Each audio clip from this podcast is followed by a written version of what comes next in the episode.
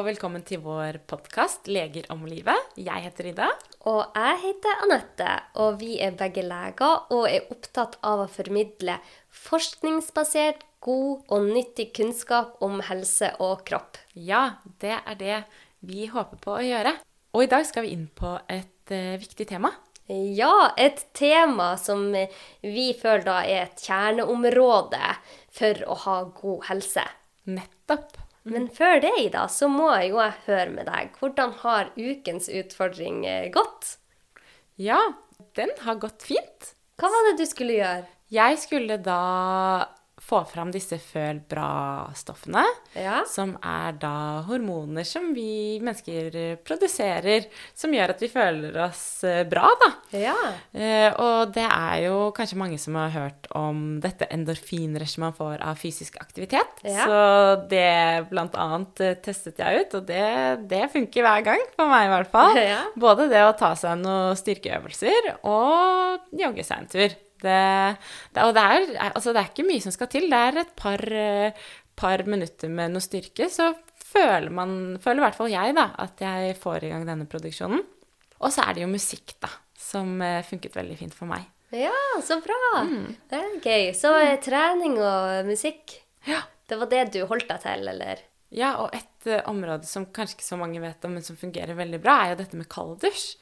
For da Det er jo veldig ubehagelig når man står eh, i dusjen og tar og skrur på vannet på det kaldeste og står der et par minutter. Ja, Men, det er iskaldt. ja. Men etterpå så føler man det bare så herlig. Ja. Så det Ja. Og det er så rart at det Og så er det jo en veldig enkel metode, men det er merkelig at det faktisk fører til at du får frigjort hormoner i hjernen som gjør at du føler deg bedre. Mm. Men det gjør det, altså. Mm. Så det med kalddusj, det, det, kan anbefales uh, hvis du har en litt dårlig dag, og så bare tar du den kalddusjen, og så kommer du ut, og så er du, føler deg så mye bedre etterpå, altså. Ja, ja, ja. Jeg kjenner meg igjen der. Ja, ja. Men Ida, nå skal vi inn på et tema som vi er veldig opptatt av. Ja, det skal vi. Og vi skal jo snakke om søvn igjen. Søvn. Ja. Vi har jo så masse fun facts om søvn. Og vi hadde en episode Det var vår første episode, mm. eller episode to etter introen, mm. som var om søvn. Og vi har fått masse spørsmål i etterkant eh, om vi kan ha flere episoder om det og gi flere konkrete råd. Så det skal vi gjøre i dag. Mm. Og så skal vi jo gå inn på dette med A- og B-mennesker. Ja. Og hvordan søvn påvirker hormonene dine. Ja, det er veldig spennende. Så det skal vi prate litt mer om. Og i tillegg så er det jo sånn at mange kanskje har følt seg litt slitne når de har sovet på hotell. Og skal også finne ut av hvorfor, hvorfor er det sånn. Hvorfor er det sånn? Mm. Men ja, søvn. Det er jo så elementært for god helse. Men det er jo så mange som 400 000 nordmenn står til enhver tid på sovemedisin. Mm. Ja, det er mange. Og Folkehelseinstituttet de anbefaler jo ikke-medikamentell søvnbehandling ved langvarige søvnproblemer. Mm. Og forskning har også vist at behandling uten medikamenter gir bedre effekter både på kort og lang sikt ved søvnproblemer. Ja. Så dette skal vi gå inn på og ja. gi kjempegode råd for ja. hvordan man skal få god kvalitetssøvn. For det handler ikke om bare antall timer, men det handler om kvaliteten vi har på søvnen vår. Absolutt. Og så må vi også bare få med at eh, søvnvansker er jo veldig utbredt. Og mm. det er jo så utbredt at Folkehelseinstituttet har omtalt det som en av landets mest undervurderte folkehelseproblemer. Mm. Ja, og det er jo ikke bare vi voksne som sliter med søvn. Mm. Ungdommer sover nå i snitt seks og en halv time per natt i ukedagene, mot anbefalt åtte til ni timer. De skal ha litt mer enn oss. Og det har vært en generell økning av innsovningsvansker blant ungdommer. Og så mye som én av fire norske ungdommer oppfyller kriteriene for insomnidiagnose. Mm. Og insomni er da vanligere hos jenter enn gutter, ser man også.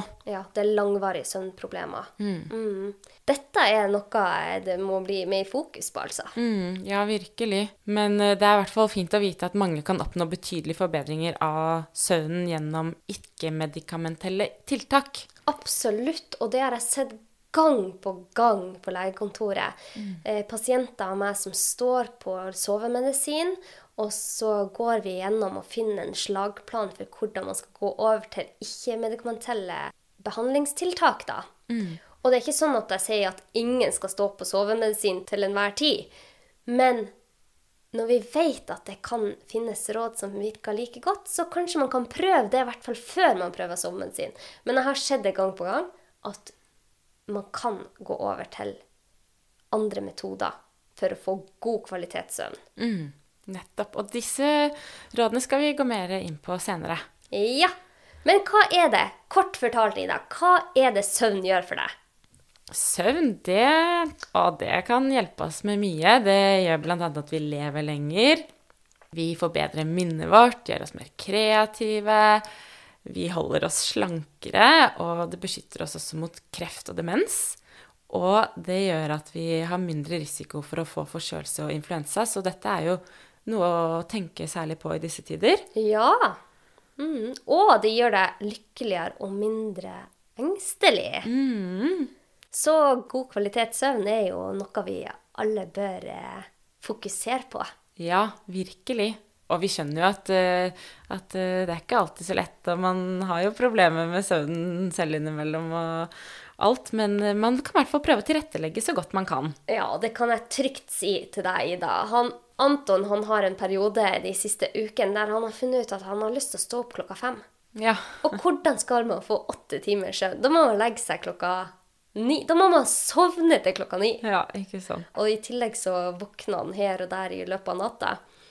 Så eh, for alle barnefamilier der ute, så eh, skal jeg bare si at jeg føler med dere, og den perioden går jo òg over.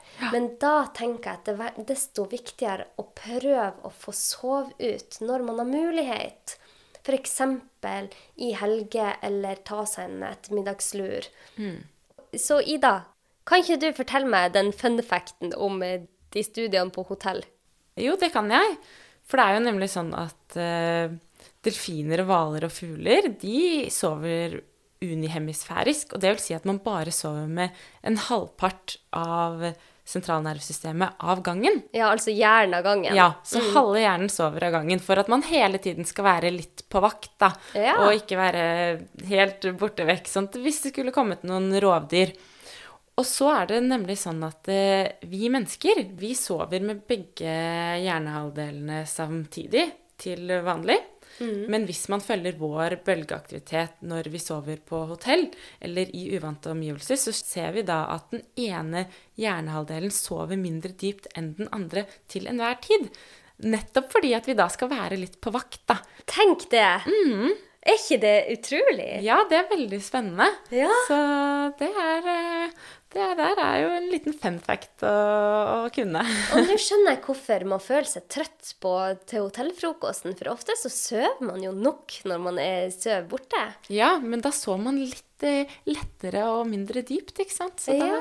er man litt mer sliten. Ja. Men, eh, men Anette, dette her med A- og B-mennesker, det har jeg alltid vært så opptatt av, for jeg er jo selv et B-menneske. Og kan ikke du fortelle litt sånn Hvordan henger det egentlig sammen? Ja. Hvorfor er vi Eller er vi, er vi sånn evolusjonsmessig? Ja, det er to teorier på dette. Den første teorien kan jeg bare si kjapt. Det er en teori på at eh, det kan se ut som at de som er B-mennesker, har gener som kommer fra neandertalere. Litt gener fra neandertalere. Sånn at det har gjort at du blir da et B-menneske. Men den teorien som eh, kanskje er den mest eh, aksepterte teorien, da, er jo det at eh, man har A- og B-mennesker, og så har man noe som er midt imellom. 40% av befolkninga er såkalt morgenfugler, altså A-mennesker. 30 er det man kaller nattugler eller B-mennesker. Fungerer mye bedre senere på kvelden og ønsker å stå opp senere. Og så har man de som er midt imellom, som kan legge seg et tid mellom da 8 og 12, eh, som er 30% Og grunnen til dette tror man er fordi at før så bodde man jo under åpen himmel og hadde kun bålet for å beskytte oss mot rovdyr. Og nattuglene da, de passer på, eller B-menneskene, de passer på A-menneskene og de som var midt imellom. Så de var lengre våken og passet på bålet til etter midnatt. Så gikk de og la seg, og så sto A-menneskene da opp, de som hadde lagt seg veldig tidlig, rundt firetida, fire og seks, for at det skulle vært så lite vindu som mulig, der det var ingen som passa på. Så det er en grunn til at vi er blitt forma sånn som vi er blitt. Mm, ja, ikke sant?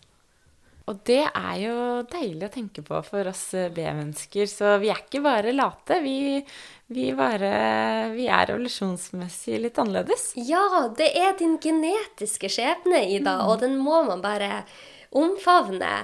Fordi at vi er forskjellige genetisk, og som du sier, du er et B-menneske. Da må man ta hensyn til det. Fordi at det, arbeidslivet er jo på en måte tilrettelagt mest for A-mennesker, mens flere og flere bedrifter, store bedrifter sånn som Google, har begynt å la de ansatte komme senere på jobb hvis de er et B-menneske. Fordi at de fungerer mye bedre litt senere på morgenen enn fra klokka åtte. Mm, ikke sant? Og det her er jo faktisk sånn at eh, nattugler, da, de, de har vanskelig for å legge seg klokka ti. Fordi deres døgnrytme vil ikke at de skal legge seg så tidlig. Så det, det, det er ikke noe man bare er sånn at man, man, ikke får til å gå og legge seg tidlig, men man, man klarer det rett og slett ikke, da. Da ligger man jo ofte og vrir seg lenge i sengen, og det er ikke noe deilig, det heller. Nei. Nei, det er ikke det. Man kan til en viss grad klare å snu det litt. Men eh, det har vist seg det at de som er B-mennesker da, har høyere risiko for depresjon, angst, diabetes, kreft og hjerte-karsykdom. Ja, fordi de da har kronisk søvnmangel. Nettopp, for de må stå opp egentlig for dem midt på natta. Mm. Stå opp klokka seks, f.eks. Mm. Så dette er jo noe jeg tror det kommer til å bli mer og mer fokus på. Mm, absolutt. Det tror jeg, og det håper jeg i hvert fall. Ja, for at spør du et B-menneske da om de klarer seg optimalt uten koffein før klokka tolv, så tror jeg ikke veldig mange vil svare ja på det. Nei, det tror ikke jeg heller. Særlig ikke hvis de ikke har fått sove til klokka tolv, da. Eller klokka ni, i hvert fall. Ja. Ja, for det er jo ene spørsmålet man kan spørre om man har kronisk søvnmangel, er jo det at det fungerer det optimalt eh, før klokka tolv på formiddagen uten koffein. Og det andre spørsmålet i deg er når du våkna om morgenen, kunne du sovna igjen klokka ti eller elleve på morgenen? Ja, ikke sant. Og kan du det, klarer du å legge deg igjen klokka ti, så har du sannsynligvis ikke fått nok søvn. Nei. Ja, nå skal vi gå litt mer inn på dette med søvn og hormoner, Anette. Det er spennende. Hormonene våre har jo så mye å si for hvordan vi har det. Absolutt. Det, det styrer jo mm, funksjonen i kroppen vår, det. Ja, så søvn påvirker hormonene våre. Ja, det gjør det virkelig. Og man har jo sett at eh, fem timers søvn over en uke kan redusere testosteronnivået med 10-15% hos menn. Oi, Ja, og de gjorde jo en studie ved universitetet i Chicago der de tok en gruppe slanke unge menn i 30-årene som fikk begrenset søvnen sin til fem timer hver natt i en uke. Og så, da skulle de da måle testosteronnivåene deres etter dette. ja. Og de så da en dropp i testosteronnivåene på blodprøvene som viste at de fikk da testosteronnivåer som en mann som var 10-15 år eldre enn dem. Oi. Og så det er jo ganske voldsomt. Ja, etter bare én uke med fem timer søvn i snitt, så hadde de testosteronnivå med noen som var 10-15 år eldre enn seg i, i snitt. Ja, det er ganske utrolig. Oi, det er helt vilt. Mm.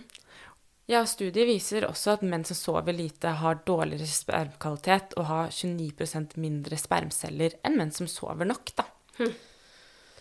Ja, og det er jo kjemperelevant, fordi at eh, dette med infertilitet har jo økt. Og at søvna kan påvirke spermcellene til menn i så stor grad. Det hadde jeg ikke trodd, altså. Nei, det er ganske utrolig. Og i tillegg får du jo eh, senket sexlyst også da, av å sove for lite. Ja. Så kanskje det er det hun Erna skal snakke om i eh, årets nyttårstale for å få økt eh, antall barn i dette landet? Ja, Gi eh, kvinner og menn mer søvn? ja, ja. ja. Ja, for hva gjør egentlig det med menn når de får lavere testosteron i det?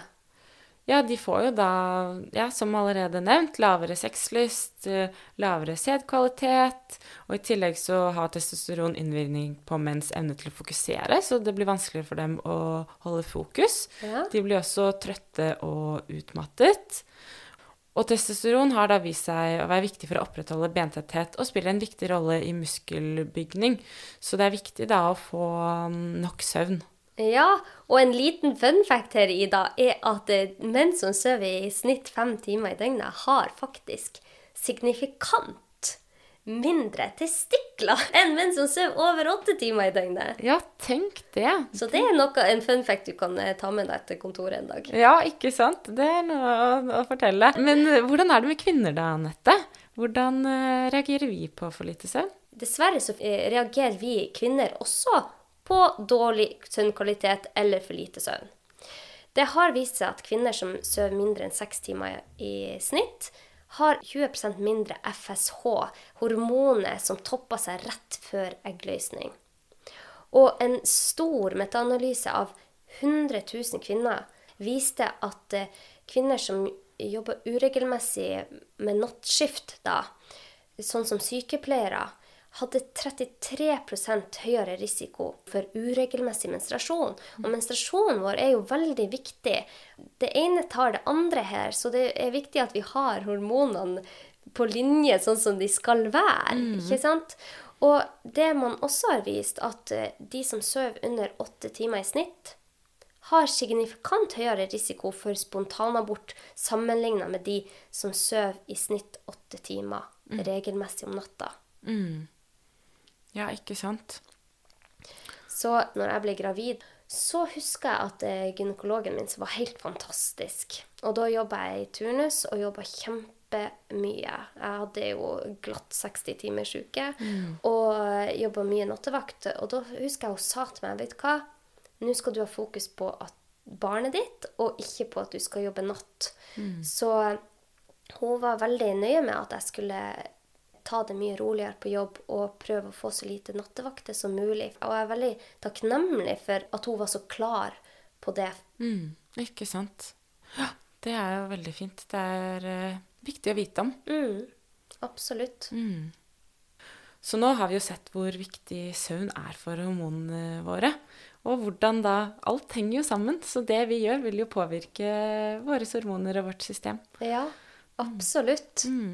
Ja, og så må vi jo poengtere at det er jo noen som jobber natt her i Norge og i verden.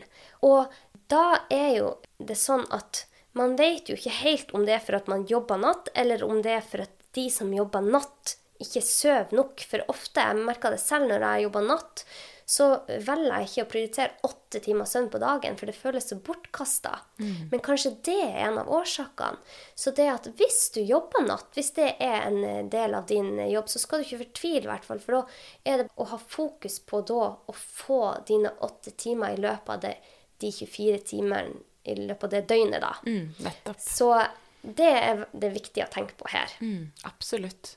Ja, og da går vi over på, for nå vet vi hvor viktig det er med søvn for både helsa di, men også hormonene, som vi har gått mye inn på i dag.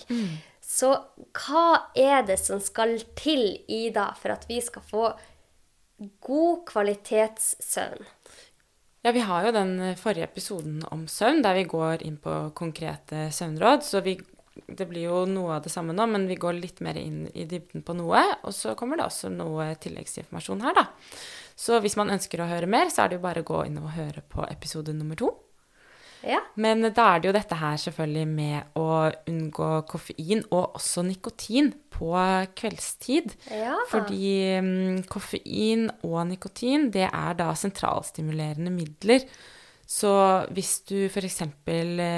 Røyker eh, før du skal legge deg, så vil du sove mye lettere.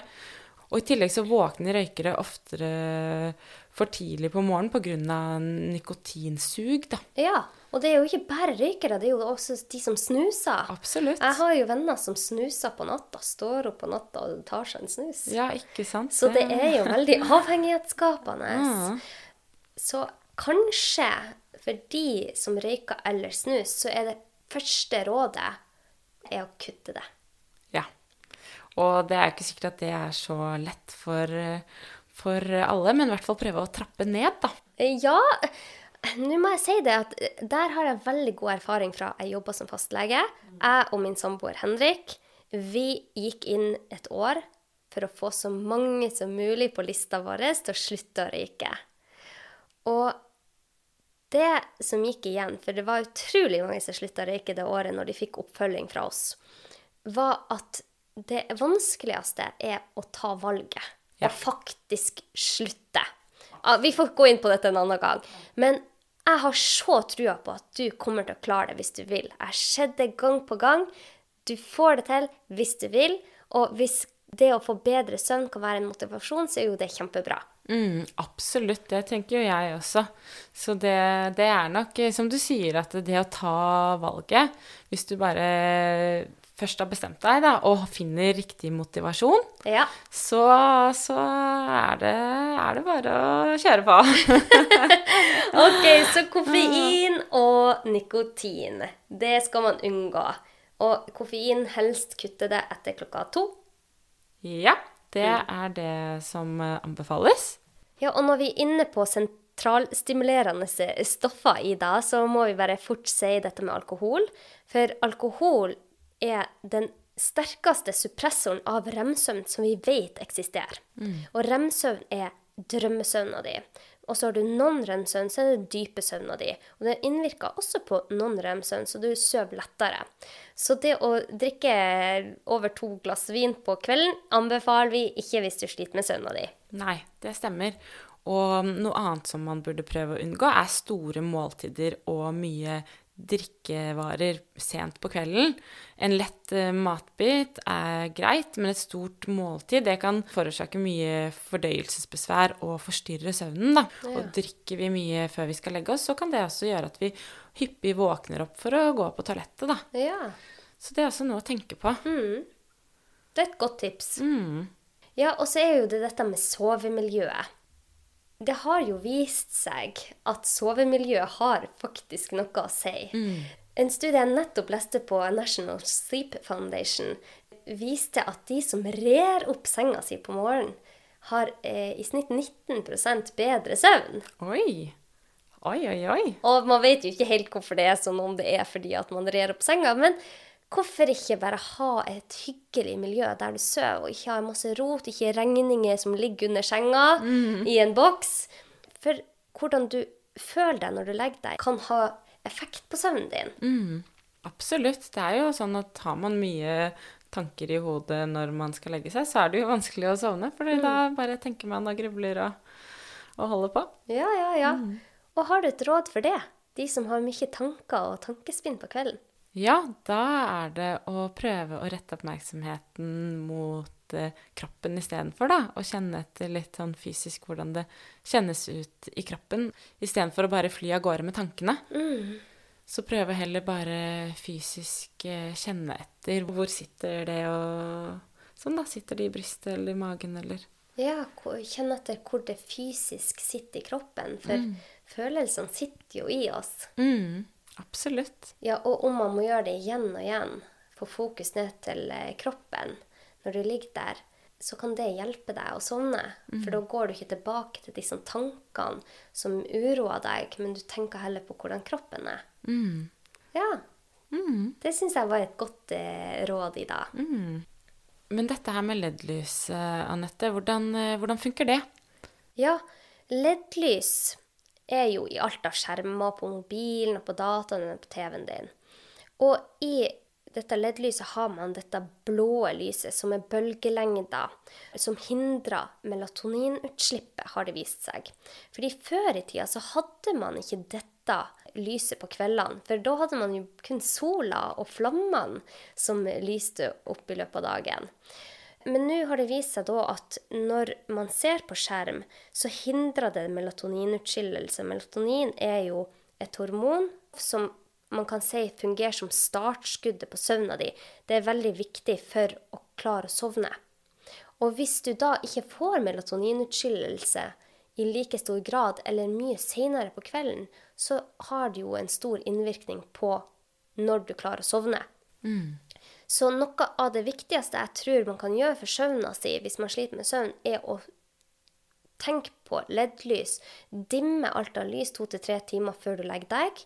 Prøv å ikke se på mobil, iPad eller eh, dataen, eh, i hvert fall ikke så nært da, to timer før du legger deg. Eller, eller også ta skru på dette nattemoduset da på Det er sånn night shift på mobiler og dataer da, som du kan få et gulere lys, eller mer rødlig lys istedenfor det blå lyset. Hvis Ja. man er nødt til å jobbe på kvelden eller sitte være på en data eller mobil, da. Det er kjempegodt råd, for det har andre bølgelengder, det røde eller det gule lyset, enn det blå. Og det er det blå lyset som er mest hemmende for melatoninutslippet. Nettopp. Ja, så nå har vi jo gått inn på dette med koffein og nikotin, alkohol, unngå store måltider og mye drikke før leggetid. Og også dette med LED-lys og sovemiljø. Og så er det jo et uh, siste råd, da, før vi kan gi oss for i dag. Og det- er jo det med å ha riktig soleksponering og få dagslys i løpet av eh, dagen. Så da er det veldig viktig å prøve å komme seg ut i naturlig sollys i minst 30 minutter hver dag.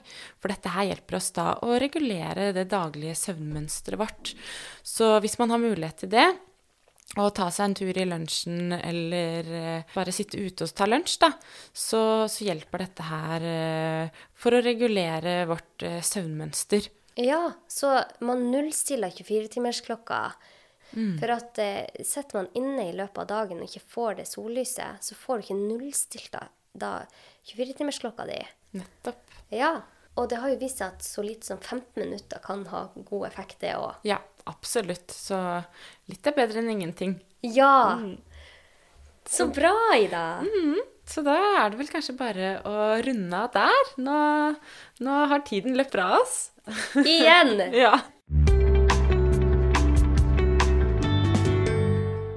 Da har vi kommet til ukens utfordring, Anette. Den, eh, den skal jeg gi til deg. Ja! Og nå er jeg spent, siden du hørte at han Anton ikke sover om deg. Ja, jeg vet. Så det skjønner jeg at det er ikke så lett å kanskje gjøre noe med de, den uh, tiden man uh, sover. Men jeg tenker kvaliteten, den uh, kan vi jo i hvert fall prøve å påvirke. Ja! Så da skal, skal du prøve å unngå både mobil og PC på kveldstid to timer før du legger deg. Oi! Hvis du skal være på, så er det viktig at du skrur på dette nattmodusen, da, sånn at du får dette nightskiftet som gjør at lyset blir annerledes. Så du prøver så godt det går å unngå blått LED-lys, da, og se om det har noe effekt på deg. Ok, det skal jeg gjøre. Og så skal jeg laste ned det programmet som du anbefalte meg, som jeg aldri har fått gjort, som gjør at datamaskinen min òg får det der gule lyset. Ja. Flux eh, har jeg brukt, i hvert fall. Flux, ja. Ok, det er greit. Dette skal jeg klare, Ida. Jeg skal prøve å begrense skjermbruken så mye som overhodet mulig de siste to timene før søvn. Spennende. Det her blir eh, gøy å se. Ja, jeg skal holde deg oppdatert. Ja, det må du gjøre. Men så bra. Da er det bare å si takk for i dag. Og hvis dere har noen tilbakemeldinger, så er det bare å kontakte oss enten på Instagram, Facebook eller sende oss en mail på legramlivet at gmail.com. Yes. Og da må vi bare si at i neste uke er det påskeuke. Ja. Og da tar vi oss en velfortjent hvil. Så hvis dere ønsker å komme i skikkelig påske- og feriemodus, så kan man jo eventuelt høre på pusteepisoden vår der vi snakker om dette med hvordan man kan komme i en hvilemodus. Mm, ja, det er det bare å lytte til. eh, Eller en annen episode som man syns er spennende. Ja. Så håper vi at dere får en herlig påske. Og så høres vi igjen etter påske. ja, det gjør vi. Ha en kjempefin påske. Så ha det bra. Ha det!